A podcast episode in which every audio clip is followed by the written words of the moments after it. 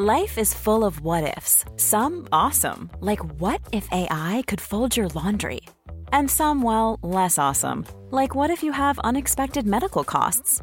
United Healthcare can help get you covered with Health Protector Guard fixed indemnity insurance plans. They supplement your primary plan to help you manage out of pocket costs. No deductibles, no enrollment periods, and especially no more what ifs. Visit uh1.com to find the Health Protector Guard plan for you.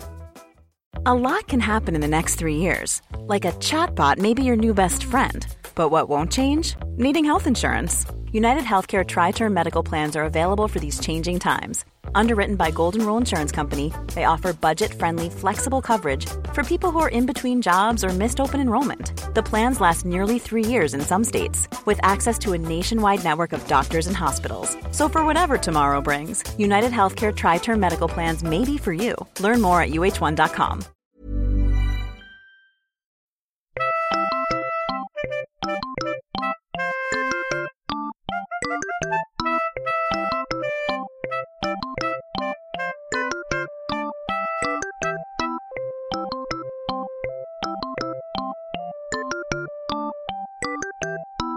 Hej och välkomna till Arkivsamtal.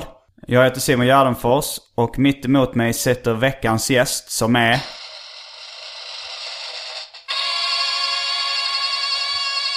Hanna Fahl. Den där är ny eller? Ja, det, jag har haft den innan. Men uh, jag, jag, jag, jag återupptäckte min sound machine igår. Ja. En liten uh, devis som man kan göra roliga ljudeffekter med. Den var fantastisk. Vad finns det mer? Ja, uh, det beror på vad du, vad du säger för någonting så kan jag ge en lämplig ljudeffekt. Säg ett valfri mening plockad ur ditt liv. Fan, nej jag kan inte. Hur mår du idag? Uh, jag mår sådär faktiskt. hånskratt, ett hånskratt. Vad fan. Ja, när du sa att du var lite bakfull. Ja, det är jag faktiskt. Jag har varit enormt bakfull hela dagen. Det har eh, inte varit en... inte varit en härlig dag. Jag har typ legat kvar i sängen tills jag kom hit. I princip. Eh, då kanske vi direkt ska kasta oss in på veckans det återkommande, det omåttligt populära inslaget Välj drycken.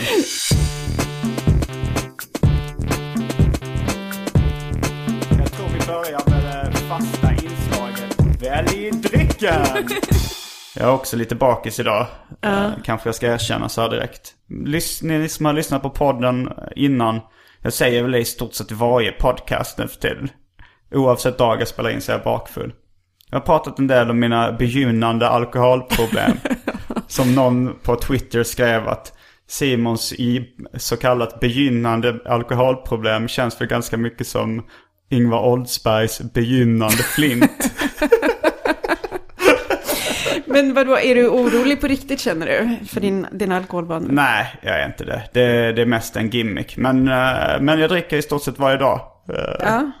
li- inte jättemycket. Och det har inte påverkat så mycket. Jag har inte, jag har inte liksom försummat någonting. Nej. Förutom mina vänner och relationer. Men inget jobb eller sådär. Men vad fan, så kan det väl vara i perioder? Ja, så kan det vara. Jag är inte så orolig. Det är mest, men det här, vi kände att den här podcasten behövde en liten djupare klangbotten. Något mörker. Och det får vara mina begynnande alkoholproblem som får spela den rollen. Men uh, ordet balansöl, det är någonting jag eh, använder dagligen. Balansöl? Ja, man ska återställa balansen.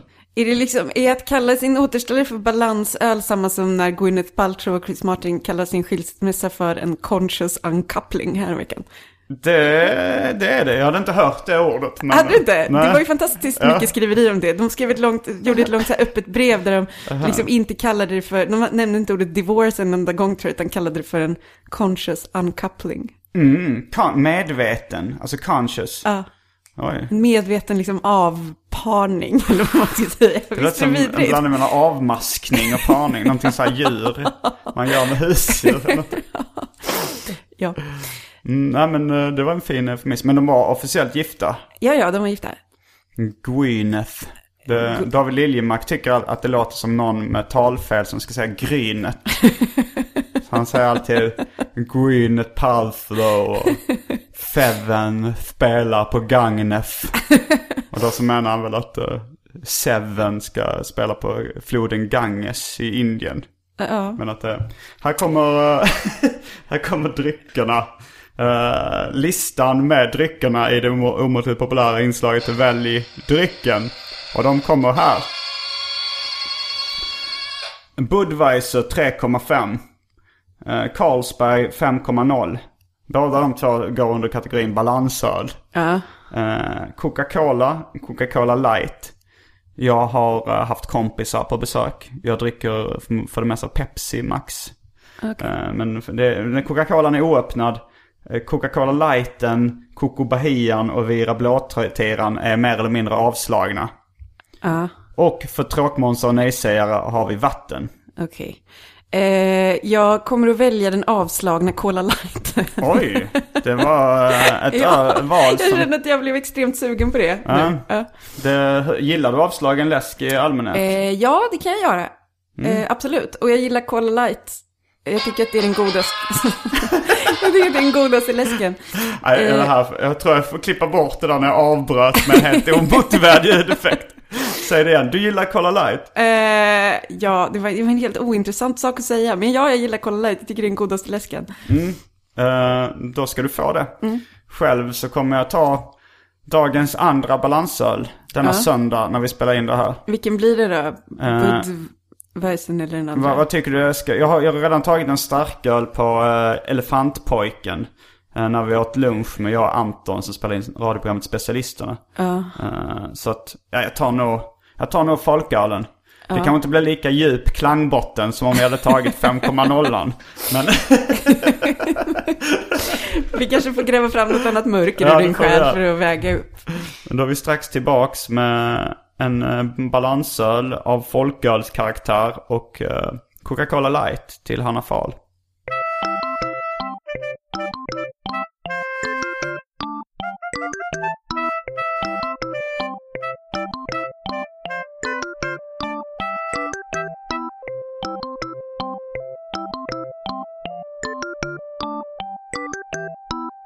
Ja, då är vi tillbaks med refrescos, som de säger i Spanien. Jag tror det betyder läsk. Men jag tänkte att det skulle betyda förfriskningar. um, och då kan vi kanske eh, komma in lite på det här. eh, vad, vad gjorde du igår? Varför är du bakfull? Eh, men det var, ja, det har liksom inte, det är inte en så spännande fylleberättelse. Jag var jag- bara på en middag slash hemmafest. Ja, det var nästan det jag tänkte. Ja, det var jättetrevligt och roligt. Mm. Och eh, jag känner kanske dock att den här liksom, när absintflaskan åkte fram så här framåt halv fyra på morgonen. Oj. Det kanske inte var, Nej. det kan, det, det, jag hade klarat mig utan det känner jag nu idag. Men, men eh, i, i övrigt var det en väldigt lyckad kväll. Vad gjorde du igår? Varför är du bakis? Eh, så var det jag uh, körde stand-up igår. På Underbar Dag. På Underbara Bar heter det. Ja. Och det var fjärde dagen i rad jag körde stand-up. Jag är ganska trött, eh, var inte så engagerad. Gjorde ett rätt sunkigt gig. Måttlig till ingen reaktion från publiken. Nej. Fy fan vad sorgligt. det var extremt sorgligt. Men var du liksom, var det för att du var så dålig eller var det liksom rättvist att det var måttligt eller ingen reaktion från publiken? Eller var det orättvist? Hur? Eh, jag, alltså jag har helt, alltså så här var det att jag, först så drog jag något skämt som gick hem. Och sen så var det att jag, jag tappade publiken för de, de tyckte nog att jag gav ett för osympatiskt intryck. När jag började prata om uh, tidelag som just hade blivit förbjudet. och då så, eh, om jag hade varit kanske lite mer alert och kanske på lite bättre humör. Då kan man rädda upp det liksom, att försöka vinna över publiken på en sida igen. Ja. Vad har du för knep för att göra det då? Jag hade Har du ett kunnat snällt säga... skämt Ja, om eller- gulliga eller- djur som du drar då för att liksom... Eller börja prata runt liksom grejen och säga, säga så här, det, det där var min kusin som skrev det skämtet. Han är ett riktigt svin. Något sånt hade jag kunnat säga. ja, men du orkar Han- inte, han du bara körde på. Jag bara körde på. Titta, Och- tittade publikens likgiltighet liksom rakt i, ö- i vitögat och bara körde. Och det var klassiskt där, jag grävde mig djupare och djupare ner. Och sen efter det så var det så ah, nu, nu, nu dricker jag lite öl och pratar, pratar av mig eh, med de andra komikerna. För jag, jag headlinade också så jag skulle liksom vara så här, är ni beredda för kvällens headline? Här kommer han. Och så, och så var det så som hatade mig. Eh, Och du bara, har ni tänkt på det här med att ligga med djur? Och sen så var det Ja. kört. Ja. det, Vad- jag, Vad, men eh, hur, hur, brukar det vara så efteråt att man så här har en liten debriefing med de andra? Är det så här att man kan få tröst av dem och så eller? Jo, så är det ju. Eh, och, eller, fast det är ofta, eftersom de är komiker så ska de ofta skoja. Och kanske så här, säga att de skämdes och, och sådär. Att det märks att mina föräldrar är skilda och sånt där.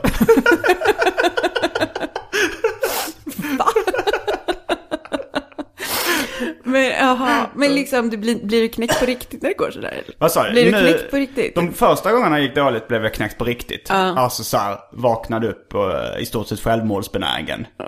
Eh, men nu så blir jag inte det lika mycket för nu vet jag att det kan gå bra och att liksom eh, jag är på väg på något sätt i en hackig, hackig skala uppåt. Tänk dig Sveriges ekonomi just nu.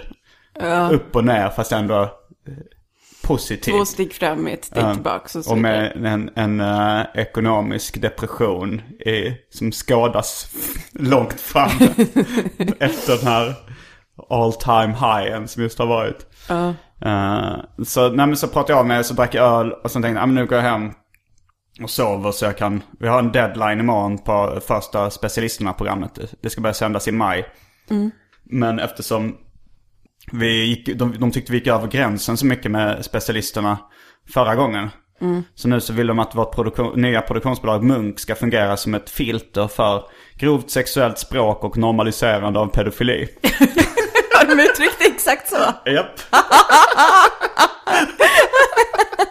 Så ni har liksom en så här censurperson på Munk nu Ja, vi har en som kollar, kollar igenom och så vi diskuterar och så får man liksom köpslå lite så. Ja. Har ni fått klippa bort något än? En busringning där Anton ringer till eh, simhallen och frågar så här, är det, är det okej om man bara eh, kommer dit och inte badar och bara sätter sig och tittar? och så här säger ja det är okej, kan, om du betalar inträdet till simhallen kan vi inte hindra dig för det. Så säger han så här, jag har läggningen eh, pedofili. Jag vill bara informera dig om det. Och så för, för är det okej så här, "Ja, jag vet inte riktigt. Men det kan ju inte diskriminera mig emot liksom. För jag kommer ju inte göra någonting. Men jag säger bara men om någonting skulle, skulle hända. så den, eh, den tror jag de sa nej till. För det, var väl kanske en tydligt eh, normaliserande eh, av pedofili. Jag kan förstå det. Eh, Aha, men är, du, är ni klara då? När, Vi är klara med första avsnittet av fem. Ja. Eh, Så vi har vi skrivit manus till lite mer och har spelat in lite mer också. Eh, så men, men nu ska vi liksom klippa ihop allting. Eh, ja, vad var jag någonstans? Jo, vi skulle göra det så jag tänkte gå upp och jobba. Men sen, sen så hörde min, jag, jag, det är en kille som klipper den här podcasten nu som heter Einar. Som bor i Uppsala. Som jag inte hade träffat för förrän igår. Och då eh, så hörde han av sig, jag var i Stockholm. Och tänkte, ja men då kan vi ses och, och ta en öl. Och så kom han till, till eh, det här underbara bar där vi hade kört stand-up. Och så drack vi öl där. Och sen blev det här att eh, jag sa nog till och med så här, nej tack jag vill inte ha mer öl. Men sen kom Anton med så här, två öl och tog en åt sig själv och en åt mig. Och sen, jag, och jag kunde inte säga nej då.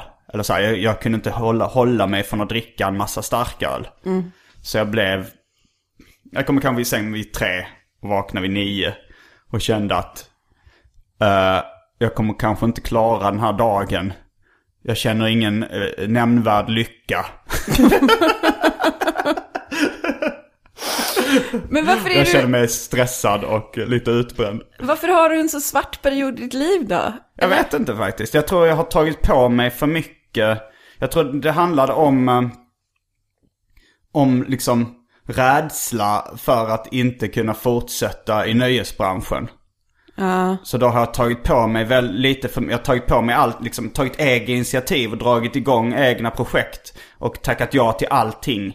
Och kör stenhårt. Eh, så att jag har eh, blivit stressat sönder mig lite grann. Ja. Så, och det i kombination med, med alkohol blir inte så sunt. Nej, men det här låter jättejobbigt ju. Ja, det är inte så Är du farligt. deprimerad? Nej, det är jag inte. Alltså så här, det var när man är, det är skillnad på att vakna bakis och, och känna sig assunkig och sådär. Än att ha en längre tids depression. Fast om du är bakis varje dag så vet du ju inte, liksom, då döljer du kanske det Ja, i jag vet inte. en...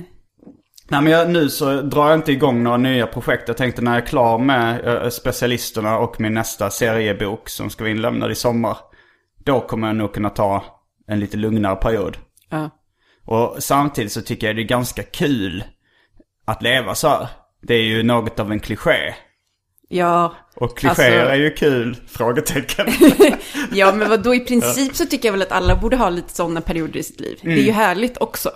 Sådär. Har du varit på dekis någon gång? Eh, ja, gud, det har jag väl varit. Jag försöker komma på någon så specifik period, men... Eh, Schlagerperioden. jo, men den är ju väldigt intensiv. Eh, nu kan för, för lyssnare som inte har hängt med så får du förklara vad schlagerperioden i ditt liv är. Jo, men det är ju ungefär, alltså det är sjukt när man tänker på det att det är ungefär en tiondel av året.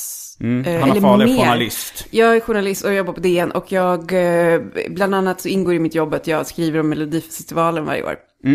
Och då är man liksom ute på resande fot i princip i sex veckor. Eh, och då åker jag liksom onsdag till söndag till varje stad som Melodifestivalen är i. Och så eh, skriver jag om den och så eh, är det en, alltså det är, man hamnar i ett så konstigt sinnestillstånd. För att, Men det är väl lite som att vara på man- turné gissar jag liksom. Ja, det är det. Och så blir man liksom helt... Det, man pratar ju inte om någonting annat än just Melodifestivalen Ah. hela dagarna. Liksom. Och, i, om och om igen. Det är ju det enda man har gemensamt med alla andra som är där. Liksom.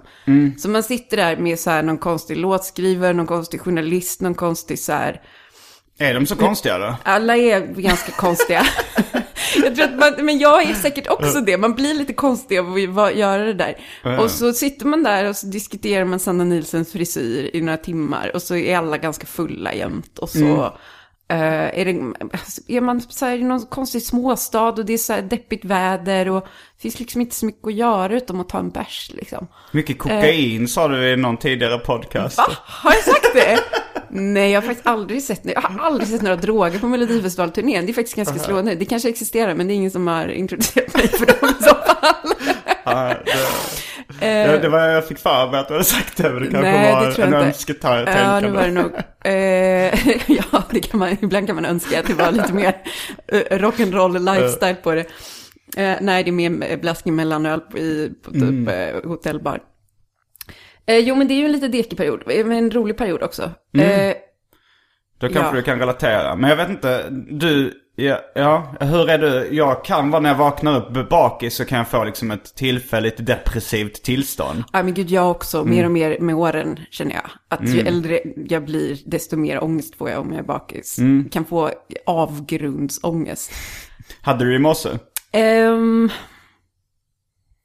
lite, fast inte riktigt den där avgrundsgrejen. Lite, lite avgrund. Ja men, nej, men så här, ibland så kan det ju verkligen vara så här att det känns som att man har gjort något fruktansvärt. Typ att Ja, man ja, vaknar ja. med känslan av så här, att man har dödat någon Mm. av misstag. Alltså det, det är den, den typen av så här, jag har gjort något, något fasansfullt. Och så, fast, så måste man så gå igenom gårdagen med sig själv och bara, nej jag har verkligen inte gjort något Nej. fasansfullt. Men det, ja, det är någon sorts fantomångest av något Mm. slag. Ja det är det. är Och sen så så, kul, alltså. ibland hittar man någonting så åh nej varför, varför sa jag eh, Ja, varför precis. sa jag det man- om hans vikt eller något sånt där. Ja. Och sen, så, sen kanske man, när man tar upp det så ligger den personen och tänker på vad han själv gjorde eh, igår som eh, var andra, alltså har ångest själv för någonting han sa kanske. Ja, precis. Man förstorar ju de där grejerna så vansinnigt mycket när man är bakis.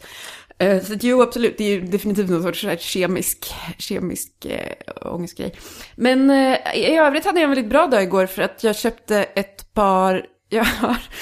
eh, alltså det här är... Jag har gått in i en fas i mitt liv där jag köper väldigt konstiga klädesplagg med olika typer av katttryck på. Eller jag har gjort det två gånger nu. Så nu har jag en klänning som är med katter och så har jag köpt de där skorna som står i hallen.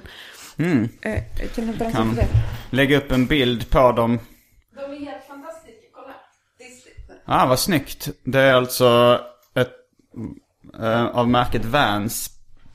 Fast det, det är inte loafers Vans utan det är Vans gympadojor. Och så är det katttryck på. Ja, de var väldigt snygga. Ja, och så har jag en klänning med, tror jag, i princip exakt samma print. Ah. Och det är verkligen kliar i mig att matcha de här och ha dem båda två samtidigt, skorna Mm. och klänningen. Men eh, jag måste nog vänta med det tills jag är helt säker på att jag aldrig mer vill ligga med någon i hela mitt liv. För jag tror att det eventuellt är den ohetaste... Nej, Jag, jag tror att det är att gå in i ett stadium av mitt liv där jag blir en så crazy cat lady utan att ens ha några katter, utan bara klä mig i katter. Men du har väl DJat under namnet DJ Kattunge? Eh, ja, det stämmer. Då skulle du kunna ha under det, då skulle du kunna ha de kläderna när du kör ett DJ-set. Ja, eh, kanske möjligen att det skulle gå att komma undan med det då, men jag vet inte riktigt. Eh, men hur jag i alla fall, så att de köpte jag igår och sen så då blev jag på så glatt humör att jag typ Mm. Du, eh, impulsköpte massor av andra. dig lycklig. Mm. Jag konsumerade mig lycklig igår så att eh, eventuellt har det dämpat eh, dagens eh, bak bakfylleångest. Vad bra. När vi mejlade inför den här, eller Facebook-mässade inför den här eh, podcasten.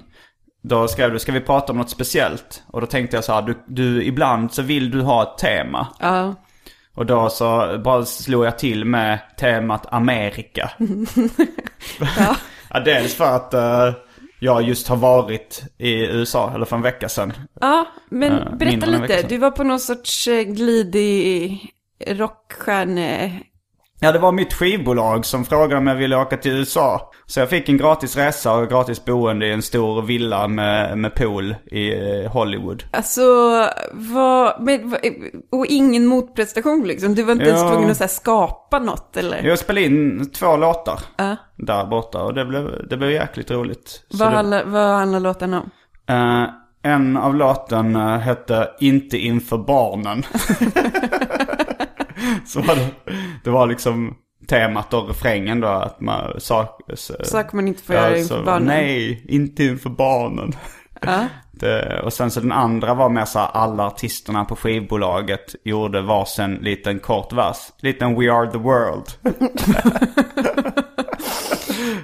Eh, ja, men det låter ju helt fantastiskt. Mm, det var jättekul. Och eh, jag var, eh, shoppade kläder och tecknade serier och, och var på stand-up comedy. Och eh, festade i en villa. Jag var, var jag för mig du eh, har haft någon fixering vid Joel Kinnaman. Ja, Honom träffade jag på en fest i, i villan. ja var han douchig? Nej, det var en... Jag, Rökte han elsig? vad sa du? Nej, han, eh, jag, han lyssnade på den Inte inför barnen-låten som vi spelat in. Och han verkade tycka den var bra. Och så, Ja. och, men jag, pr- jag pratar inte så jättemycket med honom. Ja, Vi, kan, vi har nog pratat om det förut i podcasten, men jag hade en fixering vid Joel Kinnaman efter att jag hade sett eh, The Killing. Ja, Eh, och var jättekär i honom, Mm. eller i eh, hans rollfigur. Fast sen så sprang jag, så såg jag honom på häktet i, vid Hornstull. eh, ja precis, En klubb eller en bar. en bar. Mm. Och då stod han liksom, och så var han omgiven av sitt så grabbgäng. Och så Mm. stod han inomhus och rökte elsig. och såg asdouchig ut. Och då dog min, alltså då, var, då slutade jag attrahera honom. Ja. Var det elciggen framförallt? Jag vet inte, det var hela scenen tror jag, Ja. som bara var så... eh, jag vet inte. Men elsig känns som det är den nya liksom douche-markören. Det är det kanske. Ja, Man kanske ska börja med det. Varför? Jag vet inte varför jag skulle vilja vara en douchebag. Men, men, det eh, känns som det är en sån grej som så här, de här unga Hollywood-svenskarna håller på med. De röker Ja. elsig och säger du elcigg eller e-cigg? Det kanske inte är elsig. Det heter väl e-cigg? Men jag sa nog elsig. Det är roligare att säga elsig. Eh, Alltså det är samma ord, eller det är väl electronical cigarette Eh, som ja, är det måste det liksom... väl vara. Men eh, jag har aldrig provat att röka elsig. Har du gjort det? Eh, nej, men jag, jag, jag rökte sån här vaporizer när jag var i San Francisco Mhm, i somras. Men då var det så här eh, att man rökte marijuana i liksom en, eh, som jag tror är motsvarigheten till eller det är liksom som en liten, liten elektronisk pipa liksom. Ja, okej. Och jag vet ser elcigg, ser det ut som en vanlig cigarett? Alltså, ja, typ. De är väl lång, ser ut som en liten penna typ. Mm. Kanske. Ja, nej men då, jag vet inte. Jag, tr- jag tror inte lyssnarna får eh, debattera det på eh, Facebook. På min blogg, gardenfors.blogspot.com. Kommentatorfältet kommer att fyllas av diskussionen. Det är inte samma sak med vaporizer och e-cigg. Jag vet inte. Men då rökte, då rökte man liksom, kunde man sitta i baren och röka eh, THC-olja liksom. Utan att någon brydde sig. Ja. Är det... Jag har så dålig koll på det här. Är det lag, är Mariana lagligt i Kalifornien? Kalifornien? Nej, de röstade väl nej. Eh, det var ju en sån här väldigt uh, tight Just det, folkomröstning. och så blir det nej. Det är nej, men polisen, typ- eh, polisen har som en sån här... de, de ska prioritera det lägst. Så liksom, de måste först ta tag i alla som har cyklat mot röd gubbe. Innan de får uh, Men har inte, haffa typ, har inte typ alla ändå sånt medical marijuana-tillstånd? Jo, det är, nog det är väl väldigt lätt att skaffa. Och de flesta har Kevin det. Smith har det. Ja, och det är ingen som bryr sig heller liksom om man... Ehm, det är ingen som... Och det är helt socialt accepterat. Det är väl... Det skulle väl ses ungefär som att du går med en... Ifall någon haffar dig så är det väl så att du ses som att du går med en öl på stan. Att polisen kan säga att du får inte dricka på offentlig plats. Men de skulle väl max be dig att hälla ut den. De skulle inte liksom handklova dig och... Nej. eh, på något sätt. Eh, det är så. Nej men så. Men e-cigg säger du. Men jag, jag är lite överkänslig för nikotin. Är det? Eh, jag, jag har aldrig lyckats bli beroende av, av nikotin. Har du försökt? Lite grann. Alltså jag rö- har rökt rätt mycket så här. I När jag var tonåring. Och när jag varit ihop med rökare. Ja. Eh, då har jag ändå liksom... Fast sen slutade jag. När, de slutade, när det blev rökförbud på krogen så slutade jag röka i stort sett helt. Förutom nu när jag är i USA så, så eh, köpte jag sådana här black and mild cigariller. Med munstar, som delvis så luktar de väldigt mycket vanilj. De har olika smaker. Och sen så har de små plastmunstycken. Och det, det såg så coolt ut. Så då köpte jag massa sådana och börjat röka det. Det då då. låter ju asgott. Ja, du kan få en. Eller två. Ja, gärna. Mm. Det finns, det den, den, eh, wine heter den smaken, alltså vin. eh, som, fast den luktar bara vanilj i stort sett. Ja. Det känns lite amerikanskt. Är det, för i Sverige så är det väl, är det ens tillåtet med smaksatta ciggisar utom mentol då? Varför skulle, det- varför skulle man göra ett undantag för, för örten mynta? Jag vet inte, men det är ju den enda smaken på cigg som finns Ja, det i det. Sverige. Men- Och då tänker jag att det måste finnas en anledning till det, för att annars skulle det väl finnas jättemånga goda cigg.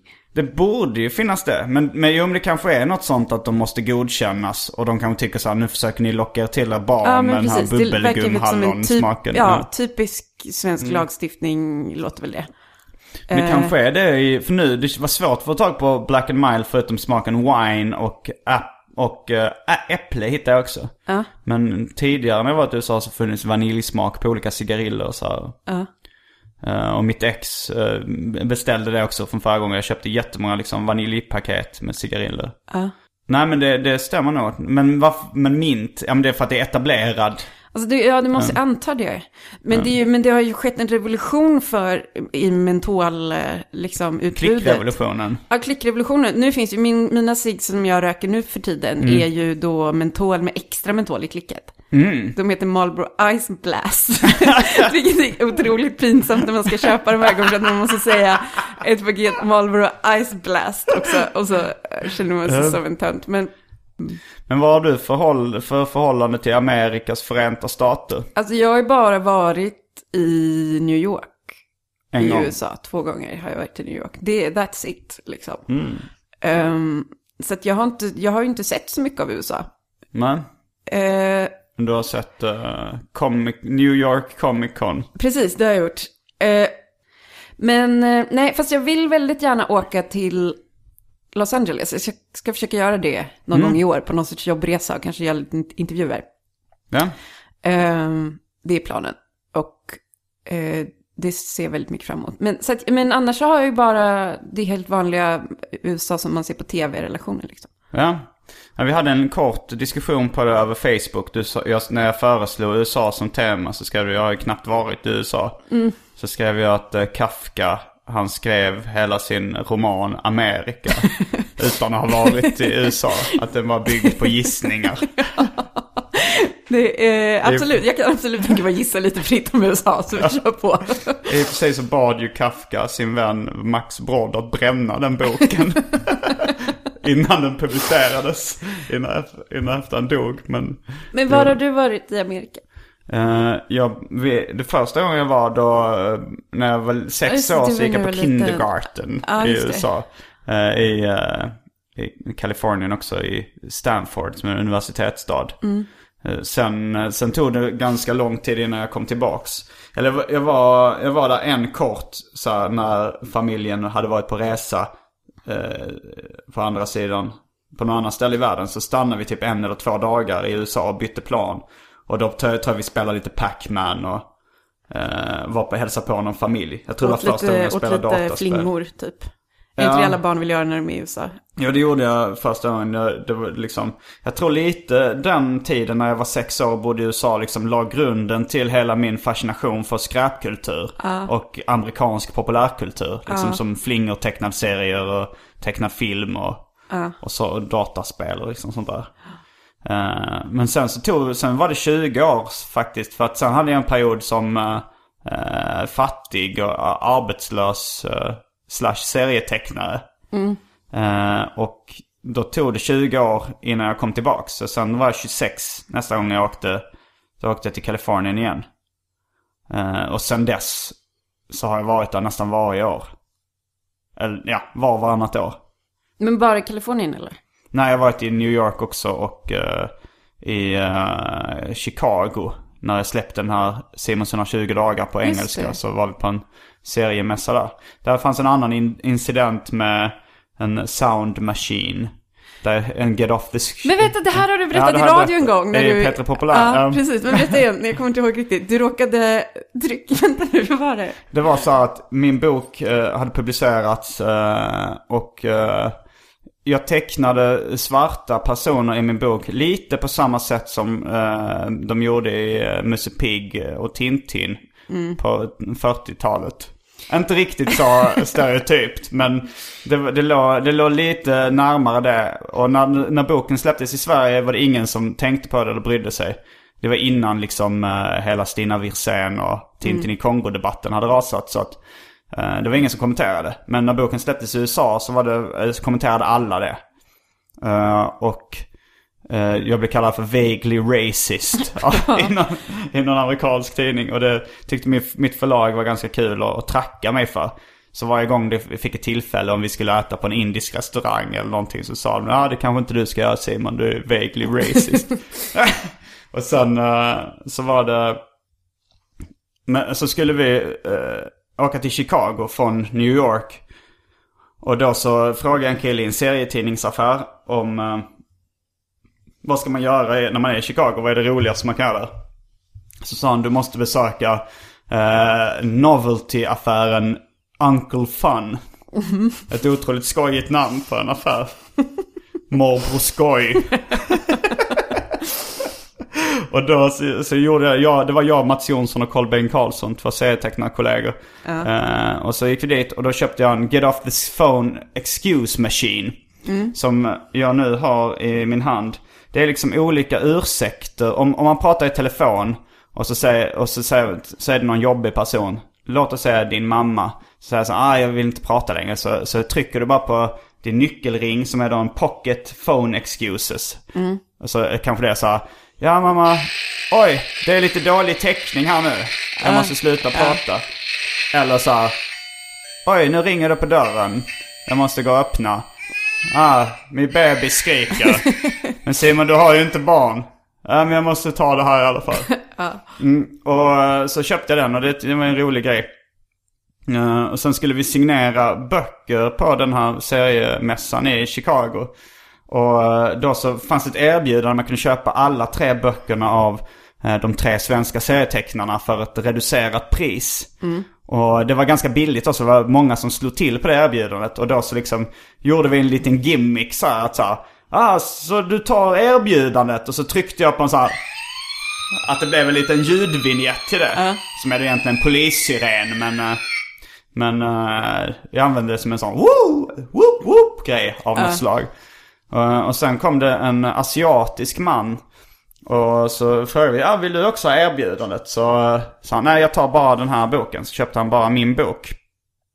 Så okej, men då, då trycker jag på någon annan knapp då. Och den här, som du såg så är Pocket Phone Excuses-maskinen, det står inte på knapparna vad det ska vara för ljudeffekt. Den är helt in i blindo.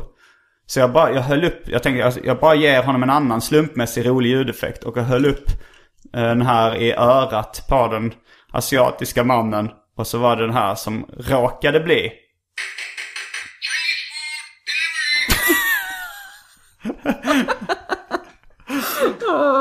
Och min förläggare tittade på mig som att jag verkligen var dum i huvudet. Att jag var rasist på riktigt. Och bara, Simon, what the fuck? You're vaguely racist. Vad hände? Var du bad om ursäkt eller Nej, vad? jag blev så bara- chockad så jag bara satt kvar. Och han så, han så inte speciellt glad ut, den asiatiska mannen. Han bara tog sin bok eh, som han hade betalt för och gick därifrån liksom. och jag satt kvar. Jag kunde inte, vad skulle jag säga liksom? Bara, ah, I didn't know. Åh gud. Så nu, nu kan jag aldrig mer återvända till Chicago. Men eh, ja, det var C2E2 hette den mässan. En ganska mainstream seriemässa. Sen tror jag, jo sen har jag varit på i Maryland, i Bethesda också. Eh, där, eh, där var också en seriemässa. Det var nog innan jag hade börjat kolla på The Wire, annars hade jag nog så gått igång lite mer på eh, Maryland. Jag skulle vilja åka till, eh, alltså typ så här, någon av de här staterna, gud förlåt jag är så seg i huvudet. Men typ där Gilmore Girl utspelar sig, vad är det? New Hampshire kanske? Ja, jag har inte sett jättemycket. Jag har bara s- zappat förbi det några gånger, Gilmore Girls. är men- det sevärt? Eh, ja, det är jättemysigt. Och så är det typ alltid lite så här höst och dova färger och det kanske singlar ner något lönnlöv och folk har kanske en myströja och en halsduk på sig. Typ så. New Hampshire. Ja, jag Det tror låter väldigt brittiskt. Mm, precis. Eh, så att, någon sån, sån resa skulle jag vilja göra någon gång. Och kanske så här, traska runt så här, på något så här, Ivy League eh, universitetscampus och sånt. Ja, du, du, du har köpt in den här eh, romantiken eh, som finns i boken Den hemliga historien. Ja, den präglade mitt tonårsjag oerhört mycket. Det var därför jag flyttade till Lund. jag bara, det här måste vara det närmsta man kommer. Eh, den hemliga historien och även Brightside Revisited, men den utspelar sig på ett engelskt. Eh, på, Ja, det, Cambridge. jag, blev, jag blev mest lite, lite äcklad av den, den miljön. Alltså, blir här- varför det? Vad sa du? Varför det? Nej men det, det är lite, dels att det är lite överklassromantik. Ja. Och lite så här eh, akademisk romantik. Och på något sätt som, jag är ju uppvuxen i Lund också. I, Ja.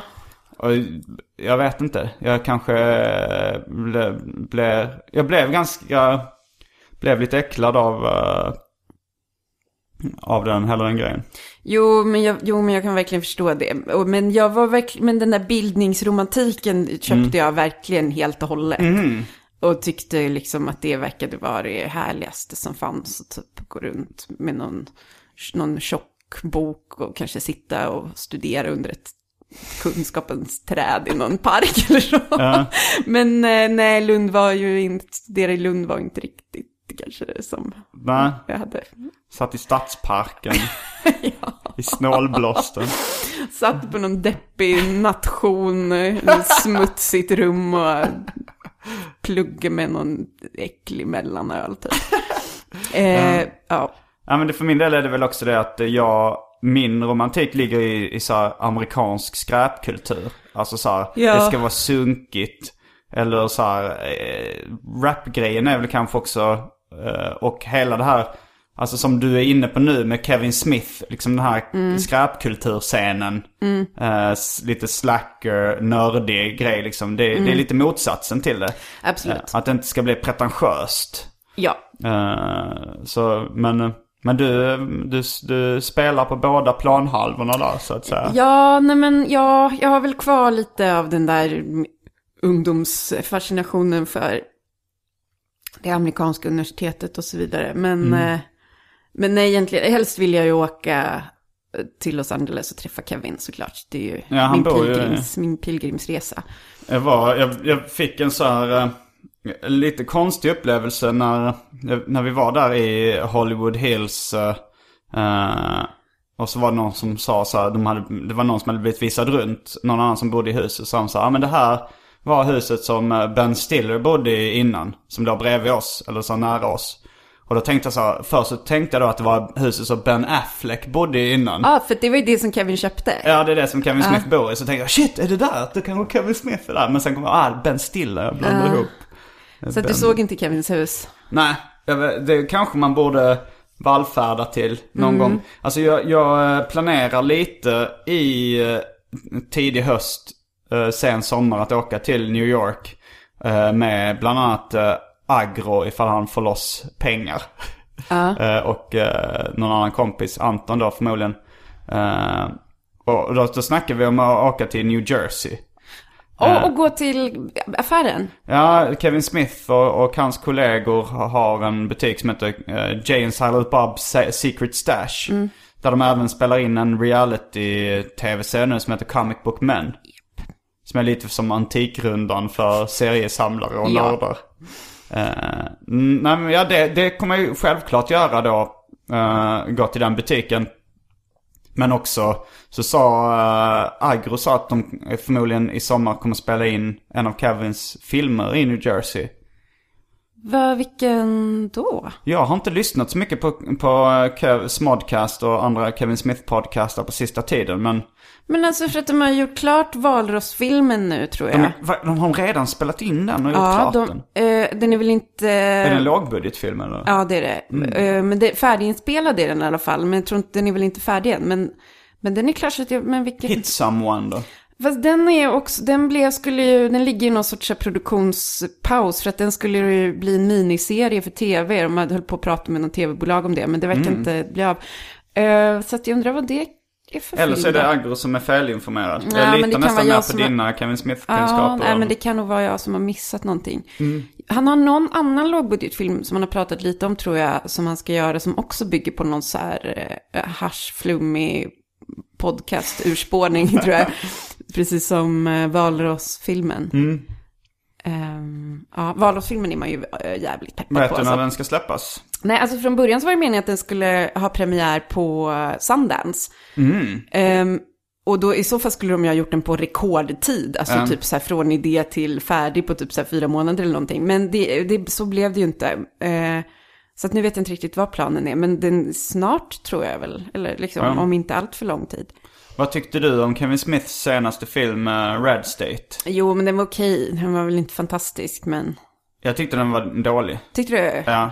Ja. Uh, dels så, så uh, använder han sig inte av humor som är hans starka sida Nej, han försökte göra en filmfilm liksom. Och det Ehm. tyckte jag inte han behärskade riktigt. Och sen är det väl också det att jag gillar inte filmfilm med pang-pang och action och, och sånt där. Jag ser inte poängen med det. Va? Vadå, inte alls? Ja, kanske ifall, alltså jag, jag gillar ju realism. Så ifall jag ser The Wire och det blir pang-pang i The Wire som känns motiverat. Då kan jag tycka det är spännande. Men jag gillar verkligen inte eh, så här, en Clint Eastwood-film där de eh, ligger bakom en, ett oljefat och en annan står bakom en bil och så liksom hoppar de upp och skjuter på varandra. så verkligen inte poängen med det. Jag tycker det är rätt gött med en actionrulle ibland. Men nej, men jag håller med. men- Nej, men okej. Men Red State var inte, nej den kanske inte var så himla bra. Men den är, var ju, det är ju, är ju så här. det- Den har, får ju ett värde för mig för att det är så här roligt att se när så Mm. lite som här att ditt Jen är barn har ritat en liten- teckning. Ja, lite så. Och så är det så här, men man får se, men så Jennifer är med i en liten roll och Ja, så här. Ralph Garman. var med, fick ingen replik eh, och så vidare. Och så, vidare. så att det blir lite så här mysigt att Ja. se sina Jo, det sina vänner i sina, ja.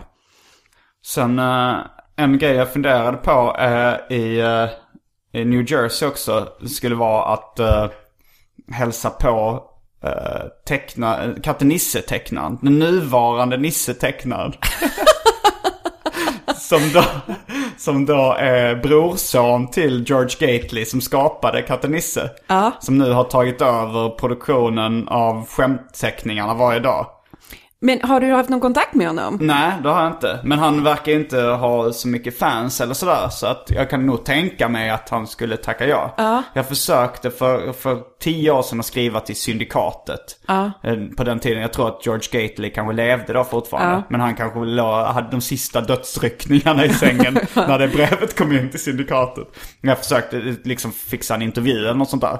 Men, men det är ju så här, om jag nu ska eh, löpa den sunkiga, patetiska linan fullt ut så är det nästan bättre att intervjua hans brorson som är riktigt Ja, usel men tecknare. Men alltså jag tycker att du ska, du ska absolut göra det. Och jag tycker Mm. du ska göra en, alltså rita en egen serie om det. I Mm. någon sorts meta, eh, på någon sorts metasätt. Ja. Där du kanske även liksom gör en cover på Nisse.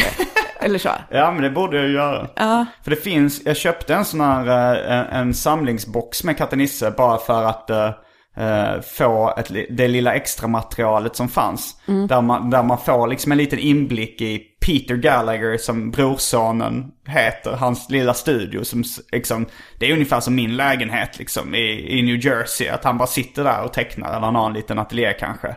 Men hur verkar, har du sett någon intervju med honom eller vet du hur han verkar? Han verkar vara en total average Joe. Ja. Rätt trist typ liksom så här. Men han- och hans serier, de är fruktansvärt tråkiga. Nu, eh, jag, har, jag, har, jag kan ju se, jag kan ju se väldigt nyktert på. Jag, jag har inte den här Kevin eh, Smith-blicken som du har, liksom lite rosaskimrande. Att du tycker allting är bra fortfarande. Utan jag är fixerad vid Katte Nisse, men jag kan se att det är fruktansvärt tråkiga skämtteckningar. så att, eh, men, men frågan är då hur jag ska eh, approacha honom. Ursäkta ett amerikanskt uttryck. Men så här, ska, ska, jag kan ju inte erkänna att jag tycker att han är en sugare rent konstnärligt. Eh, då, det är ju en förolämpning liksom. Jag får, nog, Ja, jag, får nog, jag får nog kanske ha en sån här lite, ja jag älskade Nisse som barn och nu är det kul att se. ja men verkligen. Och jag är själv serietecknare Ja. och det här var det som väckte mitt intresse för serier. Sen behöver du väl inte gå in så himla mycket på, Nej. ja.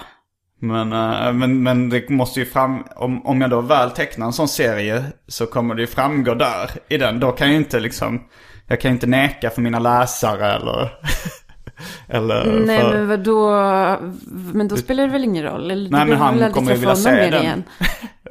Jag kan försöka, försöka mörka den serien. ja. Men eh, det hade varit rätt, tänk det, jag hade tyckt det var rätt konstigt ifall det kom en, en tjeckisk pojke. som är serietecknare. Och ringde på din dörr. I keps och fyrkantig ryggsäck. Som har kontaktat mig och sa det var dina serier som jag läste. Det var 120 Days of Simon som fick mig att teckna serier. Och, och nu ska jag göra ett besök.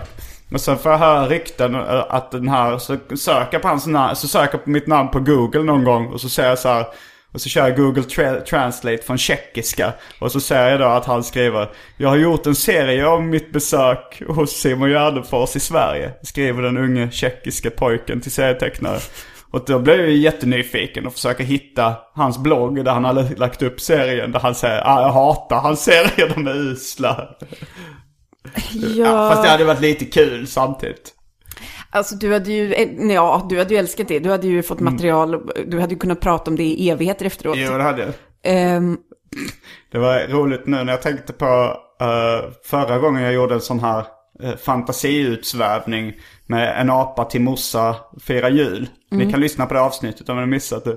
Då av någon anledning så gick min hjärna också till någon liten som kommer in i keps och ryggsäck. Fast då var det en apa.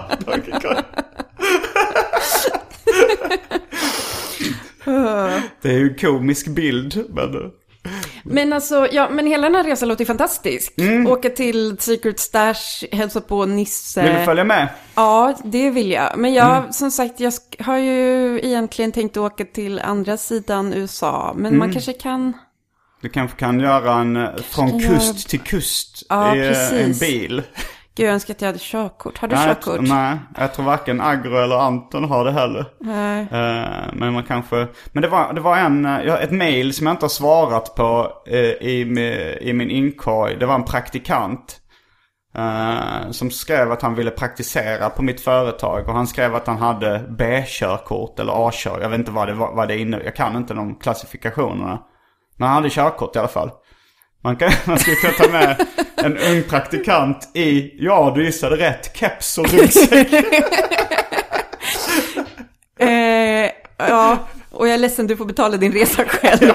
Det hade jag sagt skrapat ihop liksom. Så Ja. Om man nu... Alltså en praktikant med körkort verkar ju fantastiskt. Så Om jag hade en praktikant med körkort skulle jag aldrig behöva oroa mig över körkort mer. Men jag har ju tänkt att ta körkort, gud jag har säkert pratat om det här förut, det är liksom en sån tyngd eh, på mina axlar att jag tänker att det inte är ett värdigt vuxenliv jag lever när jag inte kan köra bil. Och så tänker jag mycket på alla värdelösa 18-åringar som kan köra bil och att jag inte kan det och så känner jag mig väldigt värdelös. Har du någonsin den Eh, känslan? nej, jag vet inte.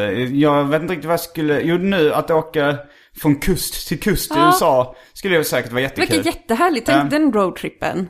Jo, det hade jag gärna gjort. Men eh, jag, jag har ju försökt, försökt ta körkort eh, när jag var 18, men eh, misslyckades. Eller så här, jag... Vadå, du jag, körde nej, upp till och med? Nej, jag gav upp innan uppkörningen. Ja, alltså så här, jag jag... kom ganska långt men gav upp sen. Det var, det var för att mina föräldrar tjatade, min mamma framförallt. Tjatade på att jag skulle övningsköra, du måste ta körkort. Och sen så när jag flyttade hemifrån som 19-åring så, så försvann tjatet och därmed min lust att fortsätta. Ja, men för jag gjorde, det var typ samma för mig, fast jag Mm. kom aldrig så långt. Jag övningskörde lite med min pappa. Eh, Eh, fast jag fick någon sorts, eh, jag började gråta. Jag var väl nära att köra ner i diket en gång och så Mm. då började jag gråta och sen så eh, körde jag aldrig med bil. Mm. Eh, men grejen är också att jag har typ fått någon gång i så här kanske studentpresent eller 18-årspresent eller någonting. Något så här hemgjort presentkort från mina föräldrar där det står så här, du får så här mycket pengar till ditt körkort. Och det har jag liksom aldrig utnyttjat. Och nu undrar jag lite om jag kan komma så här har, har, eh, 18 år senare och bara... eh, har inflationen eh, gjort sitt liksom? Ja, så det, ja, jag vet inte riktigt hur det här funkar. Det känns ju lite sniket att komma och tigga. Vill ha Det ränta på pengarna? Precis, men... Eh, ehm, Jag har också funderat på det, för mina, mina, min mamma sa så här, ja om du inte börjar röka så, så får du, för kan vi betala ditt körkort. Och de betalade ju de här körlektionerna som jag tog när jag var 18. Men jag undrar om man kan komma nu, jag vill uh, köra nu 36 bast. Komma och säga, ja betalar ni eh, mina körlektioner? Jag tänkte bara ta upp det där igen. Ja, men då kommer hon och bara, mm, fast de där vaniljcigarillerna du köpte i USA Simon, jag är ledsen Jag men tror du... inte hon orkar lyssna på alla mina podcast. Det du inte. Så du ska ljuga om att du inte röker med dina föräldrar för att få ditt körkort betalt. Jag har gjort värre saker. Apropå värdigt vuxenliv och så vidare. Där skiljer vi oss. Att jag, min ambition är inte ett värdigt vuxenliv. Nej, Det, okej. Jag tycker inte det, det, det har inget värde för mig. Nej. Uh, jag, jag, ja, jag har, ju- jag har ju liksom romantiserat sunket i mitt liv på något sätt. Ja. Och ett ovärdigt vuxenliv går helt i linje med min romantiska bild av mitt, mitt eget liv som vuxen. Men hur länge tänker du att du kan ha det livet då? För att jag gillar ju också, jag kan också romantisera det sunkiga Mm. livet. Fast sen så tänker man så här, Sky's the sen när, limit man tänker jag. sen när man är så här 55. Ja, då kommer det nog vara rätt patetiskt. Ja, eller hur? Ja, men när går jag- den gränsen liksom? Ja, jag tänkte ju när jag var tonåring. Ja. eh, då tänkte jag att gränsen gick eh, vid 30.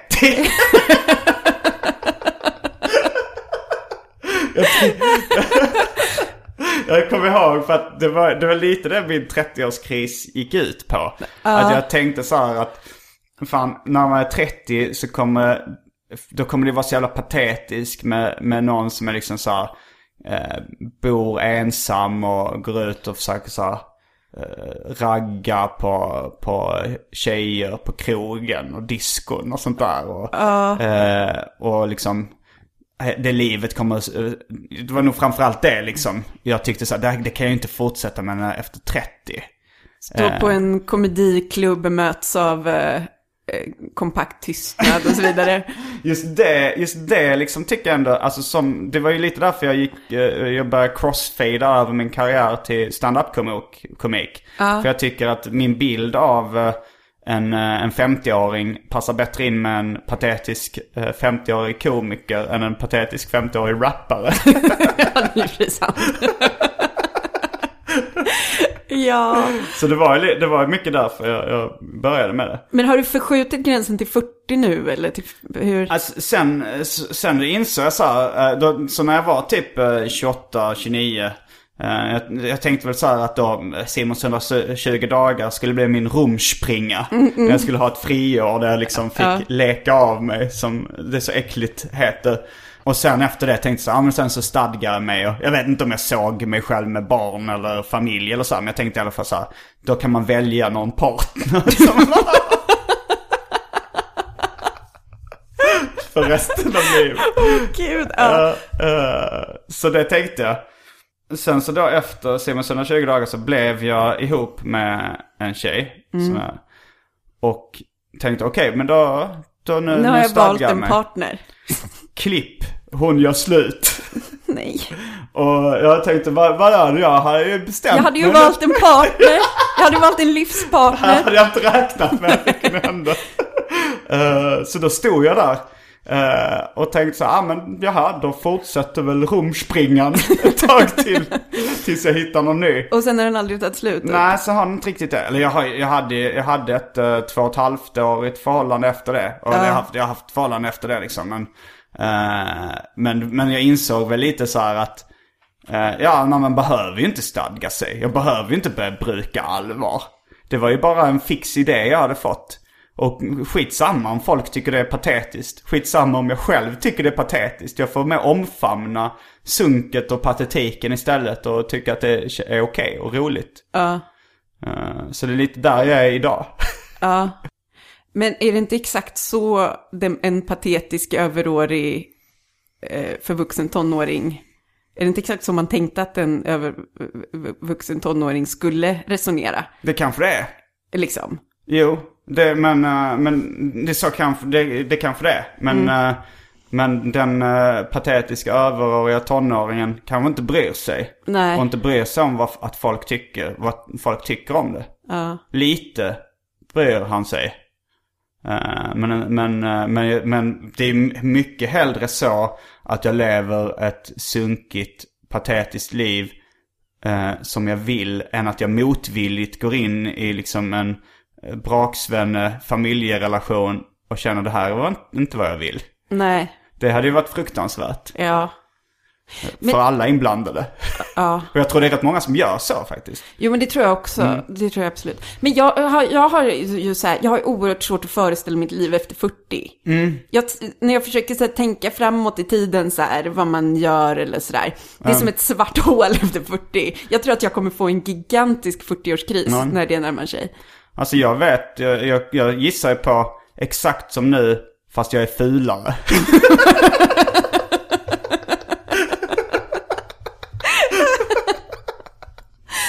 Gud, ja. Och det tycker jag ändå är okej, för jag trivs ju ändå med mitt liv nu liksom. Ja. Även om jag har lite stressig period och lite, lite eh, begynnande alkoholism.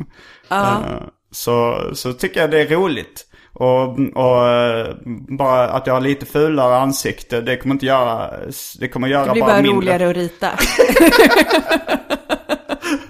har du ritat en så här gammal version av dig själv som seriefigur? Ja, gång? det har jag gjort. eh, I vissa skissböcker och sådär. Ja. Och så eh, en, en av teckningarna som serietecknaren Mats Jonsson har skrattat mycket åt. Den, där, där ritar jag mig själv så gammal och rubriken Är detta en människa?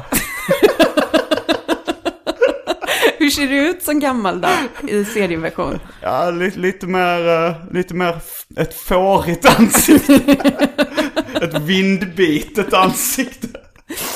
Och det är så man vill, men det vill man ju bli. Man vill ju se få, liksom Ja. lite så här... eh, Man vill inte vara kokainsvullen. Nej, precis. Man vill ju vara härjad liksom på ett eh, sånt, det syns att eh, hen har levt sätt Ja. med lite så här eh, djupa rynkor och, Ja. och så. Har du fått grått hår än? Jag har fått några hårstrån men eh, de syns inte riktigt ännu. Nej. Men uh, har du det? Alltså, jag färgar ju håret, mm. så att jag vet inte riktigt. Nej. Vad som döljer sig under färgen. Men, jag, men för några år sedan så, jag har i princip färgat håret hela mitt vuxna liv. Mm. Men när jag var yngre så färgade jag det svart.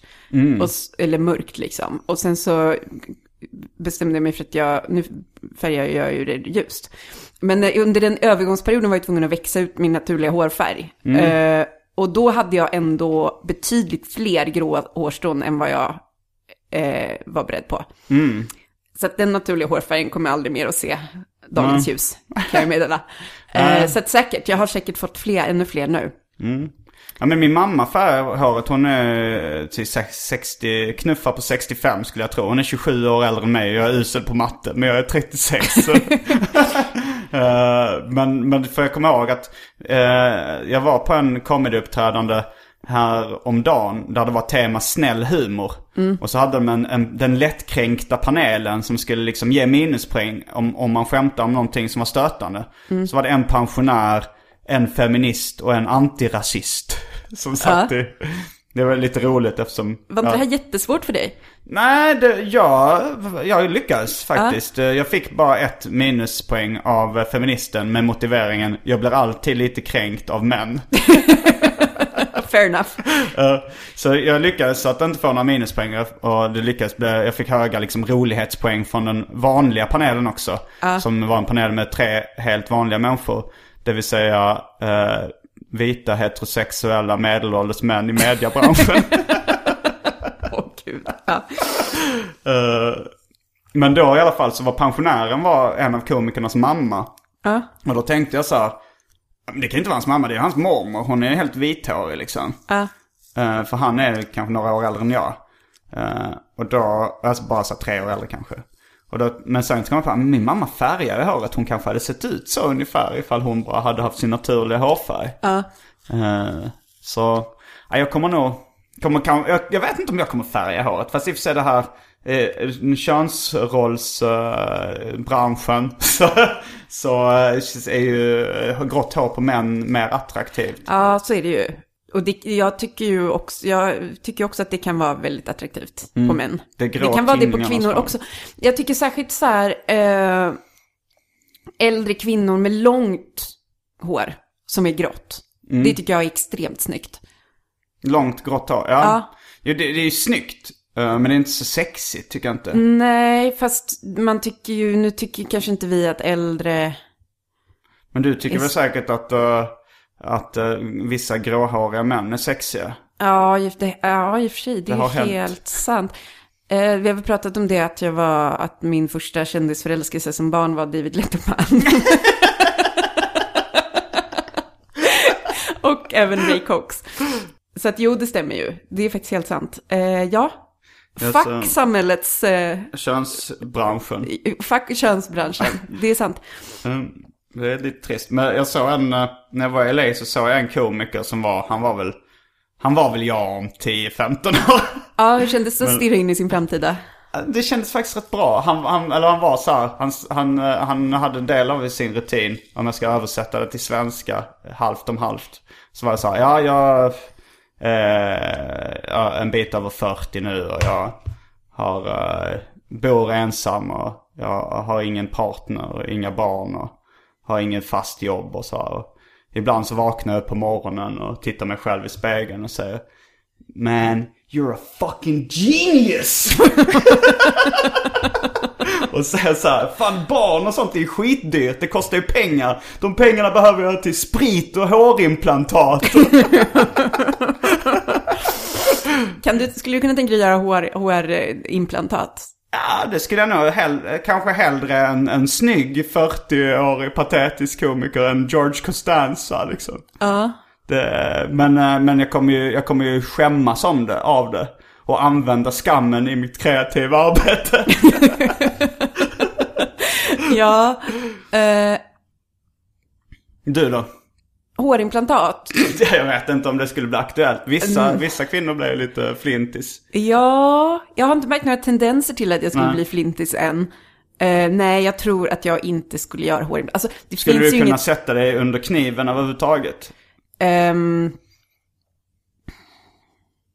Skulle du använda skammen i ditt kreativa arbete? Eh, absolut. Alltså jag kan, ja, alltså man ska aldrig säga aldrig. Men jag Nej. tror, det har aldrig känts aktuellt än så länge. Nej. Men, ehm, vad fan, ja kanske.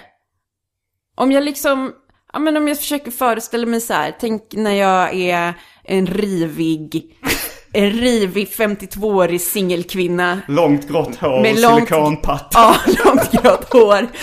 Eh, som sitter och häller upp Camparin på, Ja, ja. på förmiddagen och bor i något härligt hus och har lite för mycket pengar. Mm. Absolut, jag kan tänka mig att lägga mig under, under kniven då. Då har jag också äntligen liksom en heltäckande outfit i det där katttyget.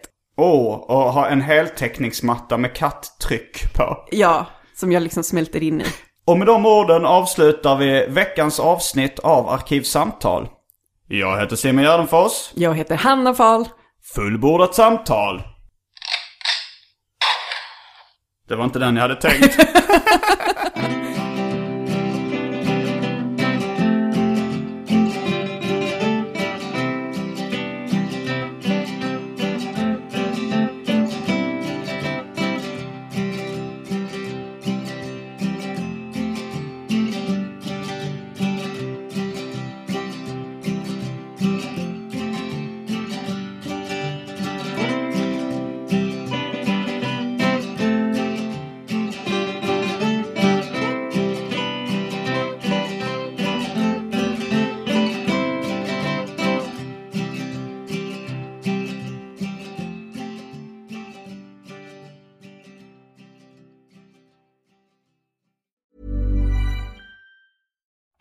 Paige DeSorbo from Giggly Squad. High quality fashion without the price tag. Say hello to Quince.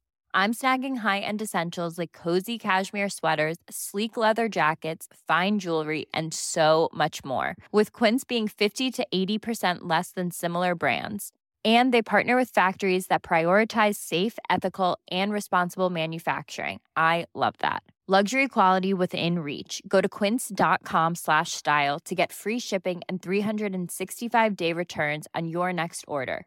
Quince.com slash style. Mom deserves the best, and there's no better place to shop for Mother's Day than Whole Foods Market. They're your destination for unbeatable savings, from premium gifts to show-stopping flowers and irresistible desserts. Start by saving 33% with Prime on all body care and candles. Then get a 15-stem bunch of tulips for just $9.99 each with Prime. Round out Mom's menu with festive rosé, irresistible berry chantilly cake, and more special treats. Come celebrate Mother's Day at Whole Foods Market.